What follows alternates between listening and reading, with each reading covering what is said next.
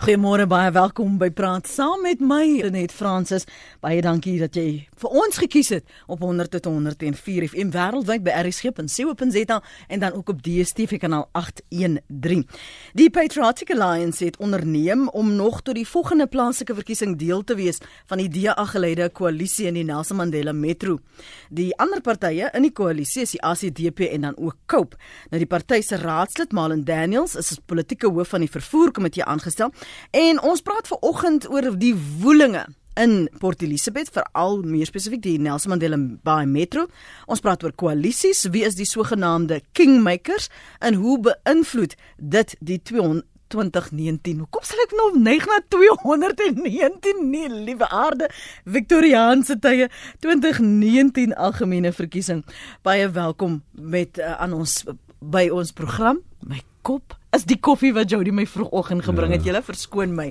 Uh, ons praat met professor Dirk Coetzee, hy's politieke ontleder by Unisa. Goeiemôre professor, welkom. Goeiemôre Lenet, baie dankie. En ons gesels hier in Johannesburg met Dr Piet Kroukamp, hy's politieke ontleder by Noordwes Universiteit se Mahikeng kampus. Goeiemôre Dr Kroukamp. Goeiemôre Lenet. Miskien met jou begin eerste professor Coetzee, gee vir ons en verduidelik vir ons luisteraars hierdie fyn balans om 'n koalisie in plek te hou want jy het al hierdie kleiner partye, die een se aandeel is ietwat groter as die ander een. Paai jy die met die groter aandeel en hou jy hulle gelukkig of hoe balanseer jy hierdie verskillende belanghebbendes en hulle belange? Ja, gewoonlik bestaan 'n koalisie uit 'n uh, een party wat die wat die meeste stemme het en dan gewoonlik 'n groter party en dan as afhangend van wat uh, hoe, hoeveelheid um, setels sou nodig het of stemme hulle nodig het um, dan 'n verskeidenheid van kleiner partye. Ons sê dit gesien byvoorbeeld in Ekurhuleni ehm um, dat die ANC het 48% stemme daar gekry so hulle 2% nodig gehad so hulle partye soos byvoorbeeld die African Independent Congress se steun gekry wat baie min is maar wat net genoeg was om vir hulle 'n meerderheid te gee. In die geval van Nelson Mandela Bay is dit die DA wat ehm um, wat vier stemme nodig het om 'n meerderheid te kry. So hulle het uh, die UDM wat twee setels het, die ehm um, die Cope wat een het, uh, die ICDP wat een het, ehm um, en dan tot op 'n stadium nog die D, die EFF het wat ses setels het, het hulle gebruik. So met die kleiner partye kon die die DA 'n meerderheid daarvoor saam met saam met die D, uh, UDM en Cope en, en die ICDP in byvoorbeeld Johannesburg en Tshwane daar het die die DA meer steun nodig. Ehm um, dit so hulle kan nie net op die vier partye waarmee hulle 'n formele koalisie gevorm het, die Cope en die ICDP en die ehm um, Vryheidsfront Plus ehm um, en die UDM kan hulle meerderheid kry nie. So daar moes hulle die die EFF ook gebruik ehm um, om met hulle 'n samewerkingsverstandhouding te hê. Die die groot probleem wat ons gesien het die afgelope twee termyne uh, op plaaslike vlak met met koalisieregerings en miskien moet ek dit net eers sê is ek dink die die die model van koalisieregering is waarskynlik die een wat in 2006 um, in Kaapstad deur Jalen Zille saamgestel is. Dit is 'n koalisie van sewe partye bymekaar gebring het um, om um, 'n koalisie te vorm. En ten spyte daarvan dat dit 'n hoogs onstabiele koalisie was, ehm um, het sy dit reg gekry om steeds vir die 5 jaar ehm um, dit in stand te kon hou. Dit bestaan uit 'n klomp klein partytjies. Mm. Maar sedert 2011 is dit hoofsaaklik of die DA saam met Cope of die ANC saam met die National Freedom Party in KwaZulu-Natal veral, ehm um, of dit is soms van die ander kleiner partye. En waar die grootste probleme ontstaan het, was gewoonlik waar een van die kleiner partye ehm um, van posisie verander het van die een groepering na die ander groepering toe van die regerende kant na die oppositiekant byvoorbeeld beweeg het. Dit het ons nou gesien in Nelson Mandela Bay waar die UDM met die twee lede uit 'n totaal van 200 um, teenoor die DA se 57 en die ANC se 50 dis 'n baie klein party uiteindelik die magsverhouding kon bepaal tussen mm. die twee groeperings. So dit is die die die ek sou sê die die kuns van koalisie is hoe om die redel, om die klein partye wat soms ehm um, die magsverhouding kan bepaal hoe om hulle binne die binne die groepering te hou, binne die koalisie te hou maar terselfdertyd is daar soveel geelwortels wat uitgang word van verskillende kante, ehm uh -huh. um, dat dit soms vir hulle moontlik is om om te kan skuwe maak. Hoeveel mag het jy werklik in terme van besluitneming dan uh, Dr Kroukamp veral as jy die heeltyd voel met twee stemme of selfs een dat jy aan die gal gang dat jy wag net vir hy stoeltjie om uitgeskop te word. Ja, kyk die uh, die groter party wat met die kleintjies dan in die koalisie sluit sal uh, uh, bepaalde voordele afwentel na die party toe en party uh, uh, munisipaliteite sal byvoorbeeld nou maar die speaker sal kom van een van die kleiner partye af. So jy kan eintlik disproporsionele mag kry partykeer gegee uh die feit dat jy eintlik baie klein is, maar jy kry 'n baie belangrike posisie. Ek weet Julius Malema sê baie graag hy sal in 'n koalisie gaan as hy die president van Suid-Afrika kan word en dan word hy sê kan met 8% steun kan uh die impak van my teenwoordigheid kan disproporsioneel wees soveel sodat ek uh uh, uh aansprake kan maak wat baie groter is as wat my party se werklike steunbasis is. So dis maar normaalweg vir die kleiner partye doen. Ek dink 'n ander ding wat belangrik is met koalisies is dat dit uh, uh, meer bestendige koalisies is wanneer die partye wat wel met mekaar in 'n samewerkingsverhouding gaan ideologies nader aan mekaar is. Nou die EFF en die DA is baie ver van mekaar. Ja. Die EFF en die ANC is 'n bietjie nader aan mekaar. Die EFF en die PAC dalk 'n bietjie 'n uh, tipe van 'n nader verhouding met mekaar. Nou waar die probleem werklik ontstaan van die onbestendigheid van koalisies is wanneer partye bymekaar kom ooreenkomste aangaan maar ideologies is daar niks wat hulle bind nie hulle deel nie dieselfde geskiedenis nie demografies lyk hulle baie verskillend met ander woorde die dinge wat hulle verdeel uh, is groter as dit wat hulle saambind. Die enigste ding wat hulle saambind is natuurlik toegang tot mag.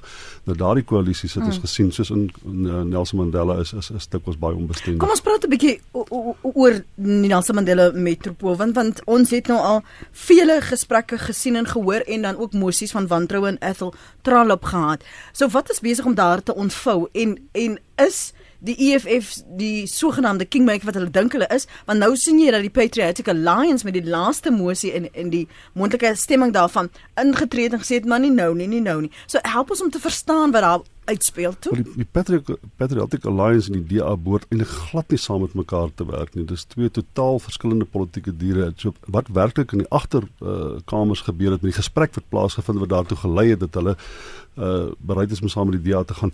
Dit weet 'n mens nie, maar wat beslis so is dat daar moes uh, 'n mate van politieke mag afgewentel gewees het na die party toe. Dit dan met 'n baie spesifieke beduidende voordeel vir hulle gewees het uh om om daardie ooreenkoms met die DA aan te gaan. Uh die die probleem in in in in in in Nelson Mandela Bay is natuurlik 'n groot deel ek dink rondom die persoonlikheid van Ethel Trollip ook is 'n baie sterk persoonlikheid hy's 'n wit man hy's 'n Engels hy's baie baie liberaal hy's baie liberaal selfs binne in die DA so dis maklik vir hom om politieke vyande te hê nie net uh, in die oppositiebanke nie maar selfs binne sy party is daar is hy is hy 'n redelike omstrede figuur hoewel hy nou weer verkies is tot die tot die die die die, die, tweede belangrikste posisie binne die DA. Hmm. Maar die feit bestaan is dit is dit is 'n omstrede identiteit. Dis ook nie 'n identiteit waarmee mense eintlik na 'n verkiesing toe gegaan in 2019 nie want uh, ons ek dink nie dit wen vir jou stemme val onder swart Suid-Afrikaners nie. Uh, Nelson Mandela Bay het natuurlik 'n groot beduidende groot steunbasis uh, van bruin kiesers wat 'n bietjie die septer kan uh, swaai heen en weer daar wat nie noodwendig in ander metropole kan in die bruin politiek speel nie groot rol in in Tshwane nie en ook nie in Johannesburg nie maar in Nelson Mandela Bay speel dit 'n baie groot rol en ek dink die diateer 'n bietjie op hulle verhouding met met bruin kiesers het in die Wes-Kaap om 'n bepaalde voordeel te probeer kry in in in PE. En soms werk dit en soms werk dit nie. Ek wil ook vir jou vra dokter professor Kotse, is daar ooreenkomste met hierdie bruin politiek en die die geskiffel met byvoorbeeld die wyse waarop Patricia de Lille hanteer word want hierdie kwessie kom die heeltyd en verwysings as ek kyk na sosiale media kom dit na vore. Is daar ooreenkomste? Daar daar is ooreenkomste maar ek ek dink die die spesifieke situasie van Nelson Mandela Bay is is gesentreer rondom die UDM. Ehm um, die UDM is die party wat die 'n Ooskaapse party is deesdae. Mm -hmm vroeër toe Droefmeyer nog die medeleier was, was dit nie so gewees nie. Um en hulle die twee setels en die UDM saam met Cope en die ICDP is deel van die die DA se koalisie, nie net in Nelson Mandela Bay nie, maar ook in Johannesburg en uh Tshwane. Um in die verhouding tussen die adjunk burgemeester Bubani en die die burgemeester Ethel Trollop dit het nie om persoonlike en ander redes het dit nie uitgewerk nie Daar is ook 'n baie sterk verhouding tussen die UDM en die EFF. Ehm um, op 'n ek wil amper sê 'n persoonlike basis tussen generaal Bantolomisa en Julius Malema. Olomisa speel 'n baie belangrike rol as die as die de facto leier van die oppositiepartye, miskien sonder die DA en en Musi Maimani, maar andersins. Hy is ook die voorsitter van baie van die forums van die oppositiepartye in die parlement. En die feit dat daar ehm um, dat die verhouding tussen die UDM en die DA nie uitgewerk het nie of dat dit problematies geword het, het onmiddellik gelei daarna dat en die die feit dat dit op nasionale vlak tussen die nasionale leiers nie uitgesorteer kon word nie of hulle dit om een of ander rede nie gedoen nie. Dit lyk asof Bobani die die, die leidende persoon in Port Elizabeth in die metro is terwyl generaal Misa nie soveel van 'n steenbasis in Port Elizabeth self het maar meer in die ou uh, Transkei. Ehm um, so dit dit is 'n interne situasie in die UDM wat ook te sprake kom wat ons moet in ag neem. Wat nou ge gebeur het in Nelson Mandela Bay is is dat die ou koalisie dus ehm um, onder druk gekom het en omdat die DA net 4 stemme nodig het om 'n meerderheid te kry, eintlik 3 omdat hulle nou die speaker reeds het, terwyl die ANC 10 of 11 stemme nodig het, beteken dit dat die 6 setels van die EFF is nie regtig noodsaaklik vir die DA nie, want hulle kan dit by die ander kleiner partye insluitend die Patriotic Alliance kry. Maar dit is absoluut noodsaaklik vir die ANC. Al het die ANC die steun vir al die ander klein partytjies, maar nie die van die EFF nie, gaan hulle nie 'n meerderheid in Nelson Mandela Bay kry nie. En dan dit is die die ehm um, ek dink die interne dinamika is, is dat die EFF aan die een kant is relevant, maar aan die ander kant nie. Hmm. Um, terwyl in die geval van Johannesburg en uh Swart en en en Tshwane is die EFF in albei gevalle uiters noodsaaklik om om te bepaal in watter rigting die koalisie gaan beweeg. So dis effens anders as as as enigiets van die ander gebiede of dit nou of metros of dit Kaapstad is of Johannesburg en Tshwane as gevolg van spesifiek die UDM se se sentrale posisie wat hulle bekleed al het hulle net twee setels daar. Ek gaan net terugskuif na na 'n ding wat jy aangeraak het Piet uh, en hierdie persoonlikhede. Uh, professor Kutsie het ook daarna verwys. Kan ons net gou stil staan en praat oor in die verlede vir al die mense se gevoelens, die kiesers, die wat verteenwoordig word deur hierdie verskillende partye. Want daar is nou baie persoonlikhede wat na vore tree. En jy kry die die idee dat daar 'n bietjie van 'n magspel is om te sien wie wie gaan die die sogenaamde kingmaker wees, maar waar laat dit die kiesers wat gesê het goed, tree toe tot hierdie koalisie. Want in die verlede sal julle albei onthou, was daar baie ongelukkigheid wanneer um, raadslede byvoorbeeld oorloop En dan nou skielik jy was nou 'n ANC lid en nou word jy DA lid of 'n PA lid en en mense voel hulle word verraai. Ja, uh, dit is wanneer 'n verkiesing uh, verby is en die stemme getel is, dan is die kiezer eintlik nie meer belangrik in terme van die politieke permutasies wat daarna ontstaan wanneer dit gaan oor politieke mag nie. Met ander woorde, die ek is doodseker dat die meeste mense wat vir die DA gestem het, wil nie regtig hê die DA moet in 'n samewerkingsverhouding met die EFF gaan ja, nie. Ja. Maar omdat dit gaan omdat jy toegang tot mag gee, uh konformeer jy maar as dit ware daartoe. Maar jy besef dat dit voortdurend 'n onbestendigheid sal wees en dat jy nie noodwendig 'n uh, uh, daarop insou gekoop het voor die tyd. Met ander jy kan dalk jou stem verander het as jy weet jou party gaan saam met die EFF na die tyd werk. Ek dink daar's baie konservatiewe wit Suid-Afrikaners wat vir die DA stem wat sê gesê nee, jy gaan saam met die EFF werk. Sorry, dag ek definitief nie vir jou stem nie. Maar ongelukkig stop die die die invloed van kiesers die oomblik wat die wat die die stemme klaar getel is.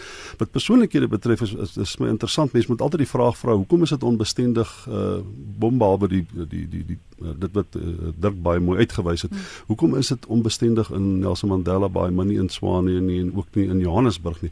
Ek dink dit het 'n bietjie met persoonlikhede ook te doen. Ons weet dat Maimane en Julius Malema is ook eintlik baie goeie vriende. Hulle kom ook baie goed oor die weg en dit het te doen met hulle gemeenskaplike uh uh vyand wat uh, uh Jacob Zuma was op 'n stadium, maar hulle het 'n baie goeie samewerkingsooreenkoms. Uh wat beteken is ek dink dit is uh, uh, my manie kan makliker vir Solim Simanga en vir uh, Herman Mashaba beskerm in Johannesburg as wat hy vir ja. vir vir, vir Trollop kan beskerm in die, mm. in die Ooskaap. En Trollop is ook eintlik so half 'n splinter in die oog binne die DA vir my. Ons moenie vergeet nie die hele debakel met hom en Lindiwe Mazibuko in die Kaap destyds. Ensovoorts, ensovoorts. En die ander ding is wat wat ek nou gehoor het vanuit die ANC kring uit is dat daar's ook 'n goeie verhouding gewees tussen Herman Mashaba en Winnie Mandela. En Winnie Mandela het 'n goeie verhouding gehad met Julius Malema en daai beskermende uh, uh, vakuum waarin Herman Mashaba bestaan was te danke aan hierdie komplekse stel verhoudings wat bestaan tussen politieke partye, tussen die leierskap van partye.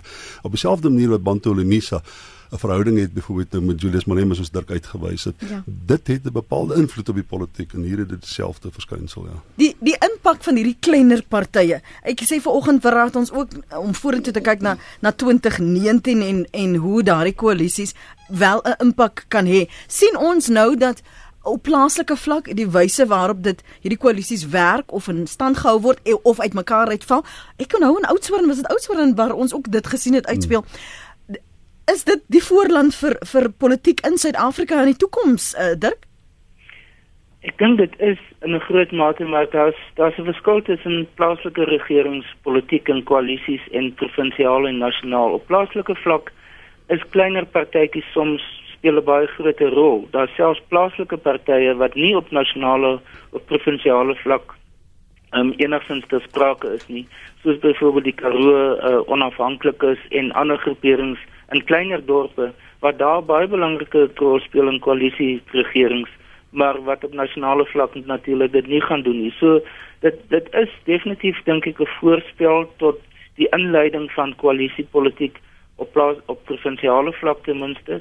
Maar ons moet nie vergeet nie dat dit reeds van tevore die geval was in beide die Weskaap en KwaZulu-Natal was daar reeds op provinsiale vlak koalisieregerings. So dit is nie 'n totaal nuwe verwikkeling nie. Ek dink natuurlik die groot verwikkeling sal wees as dit deurbreek na die nasionale vlak toe ook. Ehm um, en ek dink dat dat ten ten spyte van die die optimisme rondom president Ramaphosa moet mense nie heeltemal die die moontlikheid daarvan totaal afskryf nou nie. Um, ek dink daar is nog steeds 'n kans daarvoor. Gauteng as 'n provinsie is is ook 'n definitiewe moontlikheid vir 'n moontlike koalisieregering. So dit dit is ter sprake en ek dink uit my perspektief aan die een kant is is koalisieregerings is dikwels vir mense dis 'n onstabiele vorm van regering, dis mm. onvoorspelbaar. Elke belangrike besluit word eintlik 'n toets vir die koalisieregering. Maar aan die ander kant dink ek wat wat die die voordeel is van koalisieregerings is is dat dit ten minste twee punte. Die een dit is 'n oorgangsperiode of dit skep eintlik 'n oorgangsperiode tussen een party wat aan bewind is en 'n ander party wat aan bewind kan kom. Ek dink as as ons 'n situasie sou gehad het wat een party skielik vir die ANC byvoorbeeld skielik verloor in 'n verkiesing en 'n ander party sê maar die DA onmiddellik die die regerende posisie inneem, en dan is daar kan daar meer 'n geval van onstabiliteit wees in die sin van die ANC wil nie hulle mag oorgee noodwendig nie of amptenare in die regerings is onwillig om saam te werk met 'n nuwe regering terwyl 'n koalisie is 'n sekere sin 'n sagter vorm van so 'n um, verandering van regering. Hm. Die ander punt dink ek wat belangrik is van koalisie regering is dat dit dikwels kan omdat dit nie noodwendig partye is wat vanuit dieselfde ideologiese raamwerk kom of filosofies in, in terme van politieke filosofie dieselfde dink nie dat hulle by implikasie ook 'n groter spektrum van die van die politieke ruimte uiteindelik kan verteenwoordig. Die ANC het in 1994 het 'n baie breë spektrum politieke spektrum verteenwoordig. Na my mening het dit oor tyd begin vernou. Nou as jy mens kyk na byvoorbeeld Johannesburg of Tshwane, die samestelling of die samebring van van die vier partye in die koalisie plus die EFF het definitief die politieke spektrum verbreed wat beteken dat daar in 'n sekere sin ook meer inklusiwiteit is in die in politieke deelname is. Ek sê argumenteer as hulle was nie baie moontlik vir die linkerkant of vir al die jong mense om nie noodwendig in die politieke stelsel geïnkorporeer te gewees het nie, maar dat hulle op die periferie sou beweeg het. Nou met die DA, met die EFF se deelname aan hierdie prosesse het hulle in 'n sekere sin baie jong mense by implikasie ingebind in die proses in die parlementêre hmm. prosesse. Net gou teruggaan na ons luisteraars toe wat aanhou en dan vir julle betrek en vra vir julle kommentaar. Dankie Johannes vir die bel môre. Hallo. Praat gerus Johannes. Ja, Lenet die die die hierdie vorige spreker het baie goed reg aangevaar wat ek nou eh uh, wou sê maar nou dat ek reg het na die probleem kom die situasie van Port Elizabeth waar dit begin het dit is die storie van die grond waarom die stemmery by die parlemente mm. plaasgevind het. Mm. En nou dit het nou uitgekom daar in Australië en nou die die 30ste van Augustus hierdie hierdie jaar die komitee wat nou bekend geset het. Hy moet nou eh uh, gaan rapporteer wat sê nou die die, die land met die die situasie van die land. Die vorige spreker praat reg en ek is ek is happy waar hy nou ek kan nou bietjie kort wees nou met die reg in die punt. Die bal is in in in die in die kort nou moet ons nou speel en ons doen dit nie. Daar lê die probleem van nou die kwaliteit van uh, Atol Trolip is dat dit nie gestem vir die situasie hoe gaan ons die land deel. Dit is nou dit is 'n klein dingetjie daai. Hmm. Waar ons nou nou hamer nou dit is te verwaar met daai komitee van van die belang uit die boere nou hierso. Hulle is besig hulle hulle gaan voort. Hulle gee deel van die grond hulle sê daai die grond wat ons nou aangaan. Dit is wat ek nou wil wil plan hulle net baie dankie. Goed. Dankie Johannes, dankie vir daardie punt. Kom ons hoor wat sê jy Koos goeiemôre. Goeiemôre Lenet. Uh, ek is ek persoonlik se voorstander van koalisies inderdaad. Maar as 'n mens nou kyk wat en ek wil graag vir jou kinderkundige vra daar. As mens nou gaan kyk wat het nou gebeur eintlik by die by die metro in, in Port Elizabeth. As dat een persoon kon swaai. Nou wil ek net 'n mm. vraag vra. In die eerste plek ons is 'n jong demokrasie, so ek dink daar's baie verskillende denke, maar as jy verskillende persone, die kleiner partye, kan hulle dalk 'n koalisie van minderhede vorm. Mm. In ander woorde, hulle kom ooreen en sê ons groep kleiner partye vorm 'n koalisie van minderhede en daar's 10 kyk as hulle nooit almal oor sê maar daar's 10 of 15 punte of 12 of 5 magiese punte waar hulle konsensus het wat hulle dan kan sê okay goed dit is wat ons dan nou dryf want aan die einde van die dag as as as as as as as ek nou elke dag op een oor een persoon gaan kan ek ook nie sien hoe gaan koalisies werk nie. Ek is mm. 'n voorstander daarvan want ek dink ons is 'n jong demokrasie. Goed. En dan kan jy ook verhoed dat want as jy nou gaan dink die EFF is op oomblik nou kom ons sê nou die kingmaker wat die Engelse woord daarvoor gebruik word die spelbreker.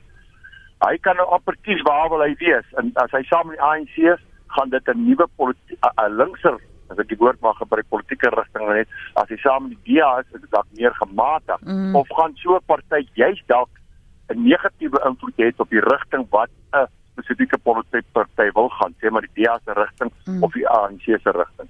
Goed. Uh, dan graag hoor dit sê jou kundige. Baie baie dankie daarvoor. Ek dink dit is belangrik want dit raak ook aan die kwessie wat Johannes in die Vrystaat aangeraak het oor wat gebeur dan as jy met 'n tamaletjie soos grondonteiening sonder vergoeding uh, ter sprake kom wat wat dan en hoe beïnvloed dit daardie koalisie? Ek wil jou juist daaroor vra om kommentaar te lewer. Um maar ook hierdie koalisie van minderhede want in die verlede ek onthou toe um Dr Pieter Mulder nog by die Vryheidsfront Plus die leier was, en hy het baie gekap na die DA wat so myn konynerig is. Hoe hanteer die DA dit en wat dan van 'n kleiner klomp partytjies, partye wat 'n sterker mag vorm?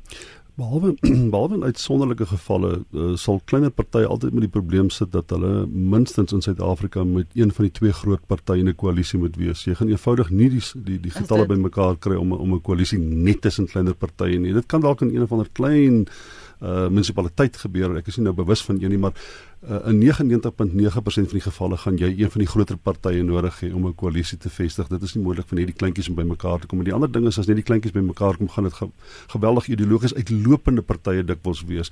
Jy kan 'n uh, party kry wat sê net maar vir die belastingbetalers is en jy kan die African Muslim Party kry en jy kan die African Christian Party kry. Hulle gaan baie uiteenlopend wees om daai koalisie bymekaar te hou. Gaan waarskynlik baie moeiliker wees as om 'n groter koalisie bymekaar te hou. Die die kwessie van van grond en ek is interessant dat die inbeller spesifiek verwys na Ethel Trollop. Dan word hy sê nie die DA nie, hy verwys na Ethel Trollop wanneer hy sê grond is een van die redes oor hoekom die koalisie onder druk gekom het en dis vir die EFF se punt ook was. Dis omdat grond met wit politiek bestuur word eh, geassosieer word met ja. die liberale deel van die DA het geassosieer word en ek dink dit is toenemend besig is om uh, wat besig is om uit te kom binne die DA. Daar's baie duidelik twee ideologiese kampe en ek is bang om dit 'n faksie te noem want hulle protesteer vreeslik as jy doen. maar daar is duidelik besig om twee ideologiese faksies binne die DA te ontwikkel. Die een wat sê ons sal nie weer 'n verkiesing kan ons sal nie beter kan doen in 2019 met ons huidige identiteit nie. Moesie my ma nie sê leier van daai groep hy sê ons moet na die sosiaal-demokratiese kant beweeg. Ons moet begin dink dat die demografie van die party dalk 'n bietjie meer die demografie van die land reflekteer. Ons moet na die berg toe gaan want ons kan nie die berg na ons toe kry nie. En dan is daar natuurlik die liberales wat wil voortgaan uh, uh om die een verkiesing na die ander te veg soos wat hulle in die verlede gedoen het en gesê het met groter en beter effektiwiteit bestuur kan ons uh, uh nog steeds kiesers uitkry. Die feit bestaan is as jy 'n plafon bereik dan moet jy begin dink wat doen jy verkeerd? en wat koalisies betref en wat politieke uitslae of verkiesingsuitslae betref dink ek is dit een van die vrae wat 'n mens moet vra oor die DA wat is hulle vermoë om koalisies in die toekoms aan te gaan gegee hulle uh, ideologiese identiteit en wat is hulle vermoë om verkiesings te wen gegee die feit dat hulle nie bereid is om transformeer om 'n bietjie meer uh, die politiek van die dag in Suid-Afrika te te, mm. te reflekteer. Kom ons staan gou daarby stil. Dirk, wat is hulle vermoë die die die punte wat Piet hier aanraak want ons probeer kyk na 2019 toe en veral wat die uitdagings is vir kiesers as hulle besluit want ek kyk weer eens na sosiale media um die reaksie byvoorbeeld in die wyse waarop die DA net Patricia de Lille se bywoning van 'n gedenkdiens vir Mawoni Mandela byvoorbeeld hanteer het Ja die die, die kwessie van koalisies gaan in volgende jaar se verkiesing ek dink baie baie moeilik wees want dit gaan 'n baie vloeibare situasie wees na my mening is ons het ons in 'n proses inbeweeg reeds van 'n van 'n oorgangssituasie, van 'n oorgangsperiode en waar die ANC hulle hulle meerderhede van bo 60% het hulle verloor. Hulle is nou in die 50% wat beteken dat daar nou meer en meer van 'n kans is dat hulle selfs onder 50% kan beweeg. Weereens ten spyte van Ramaphosa, ek dink sy invloed word in 'n sekere sin oorskat in baie opsigte is nog alles nuut, maar ek ek, ek so dink dis 'n belangrike kwalifikasie. Uiteindelik as ons kyk na die patrone van die verlede, um is die kleiner partye, dit is die partye wat nie deel is van die top 3 nie en dis die DA, die ANC en die EFF. Al die ander kleiner partye se persentasie van steun is nou onder die 1% of rondom 1% en minder. Dit gaan net werklik 'n 'n faktor kan word. Um as daar 'n situasie is waar 'n party meer as 45% van die stemme gekry het. Nou die ANC kan in so 'n situasie wees, maar ek dink dit is nog onwaarskynlik dat die DA in so 'n situasie sal wees. Hulle sal waarskynlik 'n laer persentasie, selfs onder 40% kry. Maar dan gaan beteken dat die EFF wat op die oomblik tussen 6 en 8% staan, dat hulle vir die vir die die DA omtrent onvermydelik die die die vernoot moet wees as die DA 'n 'n meerderheidskoalisie wil vorm. En daar is ook die moontlikheid van 'n minderheidskoalisie. Op die oomblik in uh, uh Johannesburg en Tshwane het die DA 'n minderheidskoalisie. As hulle koalisie saam met die vier kleiner partye is nog nie meer as 50% plus 1 nie. En dieselfde geld in in Johannesburg ook. Ehm um, so dit is uh in daardie opsig het hulle die ondersteuning van die EFF in 'n informele sin uh, weet hulle dit nodig. Mm -hmm. Maar met volgende jaar se verkiesing gaan die gaan dit gaan die uiteindelike werklike besluit wees gaan van die wat gaan die DA doen? Gaan hulle hulle self wil voortgaan in in in die huidige omstandighede dat hulle die sogenaamde kingmaker is dat as dit by belangrike besluite bepaal hulle vir wie hulle hulle steun gee of maar dat hulle nie deel van die van die uitvoerende van die uitvoerende gesag is van die, die regering is nie of uh, gaan hulle bereid wees om deel van die regering te word. En ek dink dis dis 'n absoluut kardinale keuse wat die EFF moet maak want dit gaan ook oor hulle hele konsep van hulle identiteit as party. sien hulle self as 'n wese in oppositieparty of is hulle bereid om deel van 'n regering te word? En ek dink dit dit gaan die na my mening die grootste vraag in volgende jaar se verkiesing wees. Eben, ek sien jou vir my aanhou nog net so vir 'n rukkie aan. 11 is in die Kaap. Môre 11 hou dit vir my kort asseblief want ek wil met Eben ook praat. Ja, ek ek wil net 'n uh, kernvraag vra hierso. Ek is een van die buitestanders wat so buite die die parlement en die en die politiek staan. En ek kyk in en ek vra nou as ek nou gaan stem vir een van hierdie partye, daar word geen definisie gegee van 'n party nie.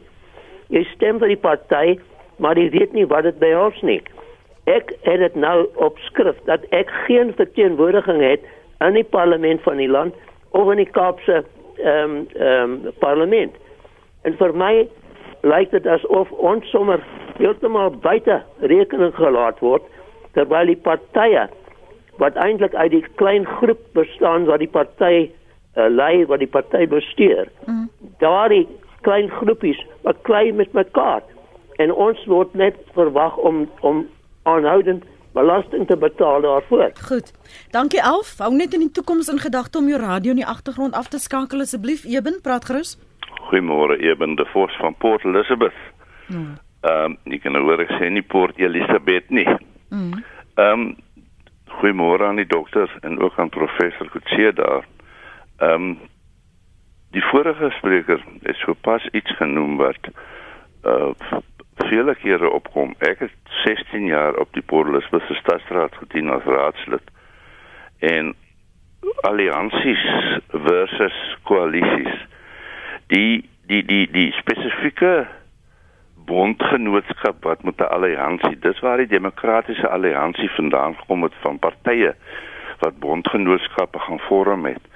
Koalisie is basies presies dieselfde ding. In die vorige spreker het nou sy kom maar uitgespreek oor die feit dat sou wie verteenwoordig hom daar. Dit is die party wat daardie koalisie of alliansie gaan vorm met met die ander partye wat sy spreekbuis gaan bly ek in my 16 jaar op Port Elizabeth se staatsraad het nooit ooit uh ek het 'n samewerkingsooreenkoms op my eie gegaan waar ek die die die die opponerende party se ehm uh, uh soms sê uitkyk oor 'n sekere ding op die agenda na gekyk het en dan met hom geredeneer het. Ek het nie oor die ek het nie die party aangevat. Ek het nie die man aangevat nie. Ek het my redenasie gehou rondom die punt op die agenda. En vir my is koalisie meer die assosiasie met die ander party en met die alliansie jy bondgenootskap gestig. Is basies dieselfde ding. Goed. Maar jy gaan sit met die man en jy sê vir hom man, jy's reg, maar kom ons kyk na die ding uit 'n ander oogpunt. En ek het baie baie baie en ek is bekend om borrelus daarvoor dat ek gaan konsolideer en ek smelt saam en ek inkorporeer die ander man se siening. Goed. En ek dink dis waarna ons moet werk. Dankie dokter, dankie prof, hoor. Dankie Eben. Ja, ek, ek dink 'n groot deel van die politiek wat ek, ek miskien moet ons eers in Alf se se argumente gaan uh, hy sê hy's hy's hy onbekend met dit waarvoor politieke partye regtig staan behalwe dat hulle belasting sê uiteindelik maar hulle mag het. Dit is dit is so dat politiek is is is 'n is 'n verhouding 'n wederwysige verhouding met ander woorde jy kan verwag van politici om na jou toe te kom maar jy moet ook jou deel doen as hy die partye se manifeste byvoorbeeld lees sal hy meer weet wat aangaan of as na hulle webblaai gaan kyk. So ek dink dis maar 'n wederwysige verhouding. Hy moet ook 'n bietjie meer moeite doen eerder as om radio te luister en kwaad te word oor die belasting wat hy moet betaal. Dan die ander ding dink ek wat wat by die laaste spreek ek het nou sy naam ontgaan nou dit, dit is Eben. Eben Eben gesê ek dink dis 'n belangrike punt dat dit gebeur dikwels in politiek dat boonbehalwe die die formele verhoudings wat in alliansies tussen partye bestaan ontwikkel ook persoonlike verhoudings en uh uh dit's binne die EFF byvoorbeeld is daar enkele individue met wie die DA makliker kan saamwerk as wat hulle noodwendig met die partye se geheel saamwerk en hulle sal fokus op daardie individue om dan 'n persoonlike verhoudings te vestig in 'n poging om daardie party of te beïnvloed of om die samewerkingsooreenkomste beter te konsolideer. Dit dit is maar dis natuur in politiek. Dirk, vinnig van jou kant? Ja, ek dink net om vinnig die verskil tussen na my mening tussen 'n alliansie of 'n samewerkingsooreenkoms en 'n koalisie te probeer uitlig is dat 'n koalisie is 'n formele ooreenkoms en dit kom daarop neer dat die uitvoerende gesag gedeel word. Dit kom neer op 'n vorm van magsteling. Ehm um, waarin lede van verskillende partye saam is of in die kabinet nasionale vlak of op die die komitee van die burgemeesterskomitee op plaaslike vlak. Terwyl 'n alliansie is meer van 'n samewerking dat daar 'n verstandhouding is en ooreenkoms is om op sekere punte of as dit kom by belangrike besluite om om saam te werk daar. Dit baie dikwels om 'n ander party uit te hou.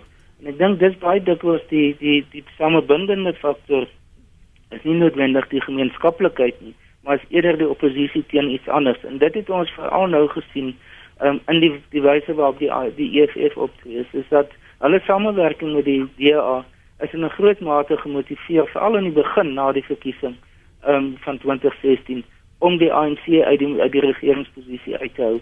Ek dink as dit kom by kennis van watter politieke waarvoor 'n politieke party staan en hoeveel is dit verteenwoordig, wie hulle die, die kiesers verteenwoordig.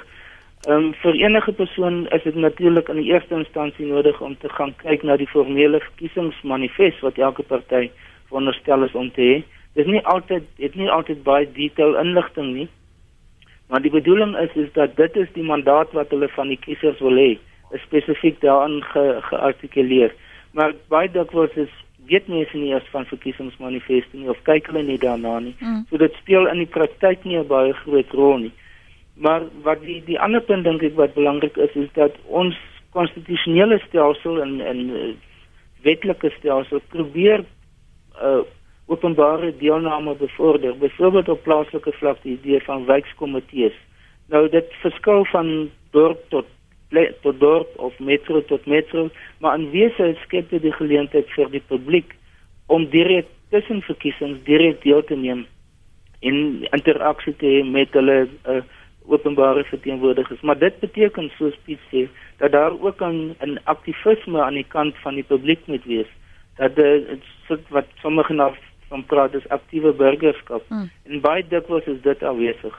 Ons het vroeër vanoggend verwys dat uh, Marlend Abrams die Patriotic Alliance se um, raadslid as ekskuus tog Daniels Abrams ekskuus Jody dankie uh die slaggewende rol nou speel en dat hy nou die politieke hoof van die vervoer komitee is en aangestel is en uh, môre Marlend baie dankie vir jou tyd vanoggend op praat saam.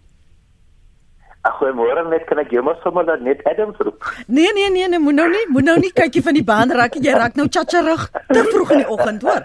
Dis Vrydag. Ek wil vir jou gou vra. So voel jy nou ja. soos 'n kingmaker? Mhm. Mm voel ek soos 'n kingmaker net? Mm. Nee, regtig nie. Ek voel soos 'n kingmaker nie.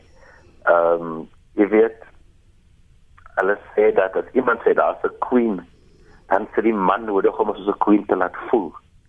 Um, niemand laat my soos 'n king voel nie.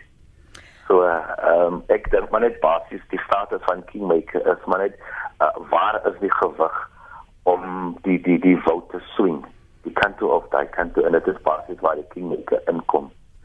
Um, ons uh, as patriotic alliance uh, het een setel in in 'n plaaslike regering. Een ja. En daai Ja, net een ja. En maar daai setel uh, beteken regtig waar wat gaan gebeur met die koalisie regering in Nelson Mandela Bay.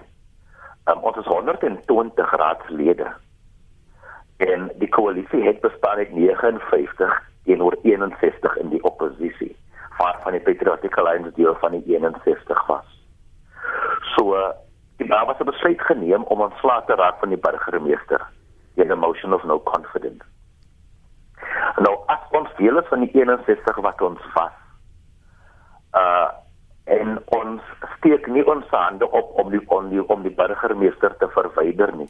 Sal hy nog steeds verwyder word? Van en dan is dit dan as ons ons arms hou dan is dit dan 50 teenoor 59 so die meerderheid sal nog steeds in gunste van die oppositie wees en sal die burgemeester verwyder word. En toe moet ons dan maar oorstap na die ander kant toe wat 59 is en hulle ook 60 maak. Nou staan nou 60 60 en dit sit ons in die posisie van kingmaker. Van ons bepaal gaan die burgemeester uit of gaan die burgemeester bly. Geef ons 'n idee. Um, Ekskuus tog, jammer, ek hmm. ek ek praat uh, om om nee, seker te maak ons kry alle aspekte gedek vir môre want die tyd uh, is besig om ons in te haal. Geef ons wat buite staan. 'n idee van die rigstekery wat plaasvind want dit klink asof hier baie uh, persoonlikhede is dat daar asof daar die heeltyd toutrekkery is. Um jy het nou mooi vir ons verduidelik waar die mag lê en dat dit werklik maar net een stemmetjie is en dat daai stemmetjie weer kan swaai na gelang van watter behoeftes of belange gedien word. So gee ons 'n idee van die balans om dit te bestuur hierdie koalisie ooreenkomste en en wat besig is om om daar uit te speel. Lenet, weet jy wat? Dit is 'n baie goeie vraag wat jy aan my vra en dit is baie belangrik dat dat die luisteraars kan weet wat aangaan. Kyk, 'n mens kry verskillende vlakke van regering, nasionaal, provinsiaal en en en lokale regering. Nou ons is ons is dan die lokale regering. En dit gaan meer oor die brood en botter issues. Daar moet dienste gelewer word. Ehm um, maar die probleem is dat daar's 'n politieke agenda en daar's 'n diensleweringagenda En heidaglik wat uitspeel is dat is die politieke agenda wat nou aandag kry van die oppositie se kant af.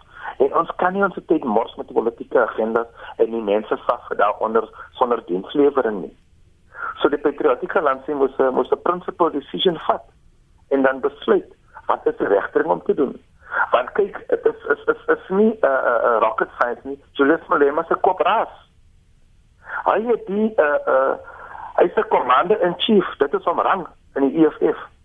Nou hy dink hy kan net loop in command, hy kan net loop en instruksies gee. Wie vir hom het gegee om vir ons te sê wat om te doen? In local government in Nelson Mandela Bay daar is ses EFF lede. Nie een van daai lede kan besluite neem sonder om Julius Malema te kontak nie. Hy maak besluite deur WhatsApp messages terwyl hulle in raad in die raad sit en sê vir hulle dit is wat hulle gaan doen. Ons kan nie so operate nie. En toe hy besluit dat ek sentraal op moet loop te sê ons laat dit dan hy gaan nêrens nie. Want hy moet loop met die wit, dis 'n keer moet gesmeer omdat hy wit is. Ons as Patriotic Alliance kan nie sê dit is 'n regte ding om te doen nie. En daarom het ons oorgestap na die koalisie regering toe en hulle gaan versterk deur dit 60-60 te maak op 'n mette van op 'n basis van van van principle. Jy weet Uh, nee maar Julius kom ras. Um, wel ons sal ons ek sê nou nie vir Julius nou kan bellies bietjie laat maar ons kan dalk hierdie WhatsApp groep Jody kan ons maar gou 'n WhatsApp stuur. Dankie vir jou tyd. Dankie vir jou beskikbaarheid. O, ons moet ook nie vergeet dat ehm um, dat Gayton McKenzie hmm ook een van haar kaartmannetjies is nie een van haar figure is wat 'n uh, 'n reaksie uitlokkie baie dankie. Ons uh, groet vir Malin Daniels. Hy is die politieke hoof van die vervoerkomitee van die BDP as hy hy's nou daai een setel wat hy so rondswaai. Nee. met respek Malin is een setel. Maar okay die een setel is deurslaggewend. Ek, ek, ja. maar boonbehalwe deurslaggewend is uh, jy moet onthou onthou ons het vroeër gepraat oor die faktor van breinmense in, mm. in in in in Nelson Mandela Bay wat heel moontlik kan voel dat hulle matig gemarginaliseer word deur die groter partye en dit is die een ding van van die van van die van sy party is dit juist dat hulle op die ticket van breinpolitiek na die na, na die tafel toe kom. So ek ek, ek dit is dit repliseer as dit ware so bietjie van wat in die Weskaap hmm. aangaan. Hulle is ideologies as hulle so bietjie ragtag. Mens kan nie regtig agterkom waar hulle is nie. Hulle hulle het hulle het 'n standpunt oor elke spesifieke aspek wat so bietjie hulle wil byvoorbeeld die doodstraf vir gangsters terugbring en sulke goed. So hmm. dis dis moeilik om hulle ideologies vas te pen. Hulle is baie ad hoc in terme van hulle Maar dis die punt wat Alf ook na verwys het dat van hierdie kleiner partye wat deel is van hierdie koalisie soms weet jy nie wat is hulle identiteit en wat is hulle politiek nie. Ja, jy kyk jy as jy jy kan jy kan die PA kan jy gaan uh, gaan Wikipedia en jy sien presies waarvoor hulle staan, hmm. maar ek probeer sê dis nie 'n koherente ideologiese ja. eenheid nie. Hulle hulle bestuur hulle party op 'n ad hoc basis en dis hoekom dit vir hulle moontlik is om met baie ander partye in 'n in 'n alliansie of in 'n koalisie te gaan omdat hulle so plooibaar is wat hulle ideologie betref. En dat hulle waarskynlik in 'n klomp WhatsApp groepe sit sit. Hulle kan in baie WhatsApp groepe wees. Toe professor Kutsie ek wil 'n punt wat wat Malin genoem het gou met jou toets. Is dit een van die risiko's van hierdie koalisies is dat jy die die persoonlikhede en die politieke agenda baie maklik die werksbare agenda of dan nou die diensleweringagenda, die dienende agenda kan oorskadu. Ja, dit is definitief so en dit wat ons gesien het in Nelson Mandela Bay met die UDM, uh, dat die die persoonlike verhouding tussen die burgemeester en die adjunkburgemeester van die UDM, dit het 'n 'n 'n blokkade veroorsaak in die verhouding en in die werking van die regering. Ehm um, so dit dit op sigself is is definitief 'n faktor. Ons het dit ook gesien byvoorbeeld in Matsimaholi, uh rondom Sasolburg waar daar uiteindelik 'n grootskaalse tussenverkiesing moes plaasvind. Ehm um, omdat die die ehm um, burgemeester daar was 'n lid van die die die plaaslike Metsimole Civic Association en hy het van die DA na die ANC toe oorgegaan. En as gevolg daarvan en dit was ook 'n soortgelyke situasie as nou in Nelson Mandela Bay, moes hulle toe wat het hulle 'n 'n staking van stemme gehad en moes hulle toe 'n tussenverkiesing sê. So dit daar's daar's vreeslik baie voorbeelde hiervan, maar my argument is dat ek dink dit is meer uh akuut op plaaslike vlak as wat dit wat dit waarskynlik op nasionale of provinsiale vlak gaan wees. Hoe hoër mense in die politiek op na die politieke vlakke beweeg, hoe minder dink ek is die persoonlike faktore speel dit so 'n 'n direkte rol as dit kom veral van kleiner partye. Dan is dit meer 'n kwessie van die verhouding tussen die leiers van die van die groter partye, maar uh persoonlikhede ehm um, en verstandhoudings en ook geskiedenis van waar hulle in die verlede was en hmm. hoe dit 'n uh, invloed het of hoe hulle by mekaar uitkom. Dit alles speel 'n baie belangrike rol. Ek dink net ons moet in terme van Nelson Mandela Bay nie al die fokus op die Patriotic Alliance plaas nie. Want daar's 'n ander klein partytjie, die die African Independent Congress. En hulle was aan die kant van die ANC en hulle het ook een setel. Um, en hulle tot stand gekom as 'n wegbreek groepering wat van uit die ANC wat in Matatiel hoofsaaklik gekonsentreer is of en was. Um, en hulle het geskuif vanaf die ANC die ANC groepering nou na die DA toe mm. omdat die ooreenkomste tussen die ANC en die AIC um, ehm, nie geïmplementeer word nie en dit is dat Matatiel van die vanaf die uh, Ooskaap as provinsie oorgeskuif moet word na KwaZulu-Natal toe. So dan kom ander aspekte te sprake, groter politiek um, wat dan 'n invloed het op die plaaslike politiek. En dit sal ook 'n invloed hê op die alliansie in Ekurhuleni hier in Gauteng, hmm. waar daar ook die verhouding tussen die die ANC en die AIC uh, eh, AIC bestaan. So die AIC kan ook teruggaan na die ANC toe en dan is die is daar weer 'n wanbalans vir die DA. Ja, soos wat soos wat ek dink Dirk aan daai ook soos wat jy wegbeweeg van die druk wat jy uit die gemeenskap uit kry, plaaslike regering, uh jy kan persoonlike verhoudings vestig, jy kan persoonlike alliansies vestig, maar jy het heeltyd steunbasisse wat van onder af druk op jou uitoefen as jy 'n plaaslike politikus is. Wanneer jy provinsiaal is en nasionaal, dan eintlik verskuif die werklike druk na elke 5 jaar wanneer daar 'n verkiesing is.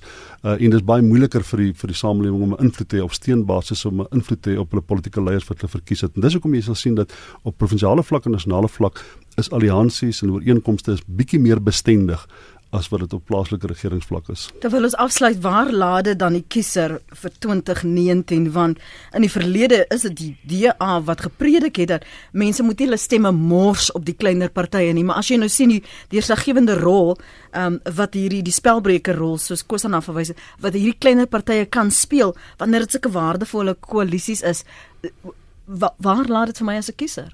Ja, in Suid-Afrika stem ons nie noodwendig vir 'n party met wie ons identifiseer nie. Ons stem ook uh, teen iemand. Ons hmm. stem ek dink 'n groot deel van die DA se ondersteuners stem teen die teen die uh, die ANC. 'n Groot deel van die EFF se ondersteuners stem teen die die ANC en ek dink dit is maar vir elke individu om om daai punt te maak. Wanneer word jou belange bevorder en wanneer is daar 'n politieke strategie wat sin maak vir jou om vir 'n groter party te stem sodat jy meer mededingend kan wees om die beheersende of die regerende party op een of ander manier in 'n verantwoordelike posisie te plaas. Dis maar 'n dis maar 'n trade-off en ek dink dis hoekom party mense sal op die plaaslike regeringsvlak sal hulle stem vir een party en provinsiale en nasionaal sal waarskynlik vir 'n ander party stem. Dis omdat mense dink dat op plaaslike regeringsvlak is dit belangriker dat bepaalde dienste kry. Op nasionale vlak is dit beter dat daar 'n bepaalde oppositie is wie sou by die die sê net maar die die die die regerende party. Maar mense moet ingelig wees, hulle moet weet wat in die party manifest aangaan, hulle moet weet waarvoor partye staan, hulle moet weet wat die politieke leiers werk wees, hulle moet weet wat vooraf weet wat die moontlike alliansies en ooreenkomste gaan wees en dan moet jy 'n stem uitbring wat jou belange verteenwoordig uh, en daai belang vir jou kan verskil in op die plaaslike vlak en dit kan anderster wees as wat jou belang is op 'n nasionale vlak. Altyd goed om julle albei as ons gaste hier op praat saam te hê. Altyd insiggewend. Baie dankie Dr Piet Kroukamp en dankie ook aan jou professor Dirk Coetzee vir julle beskikbaarheid en tyd vanoggend.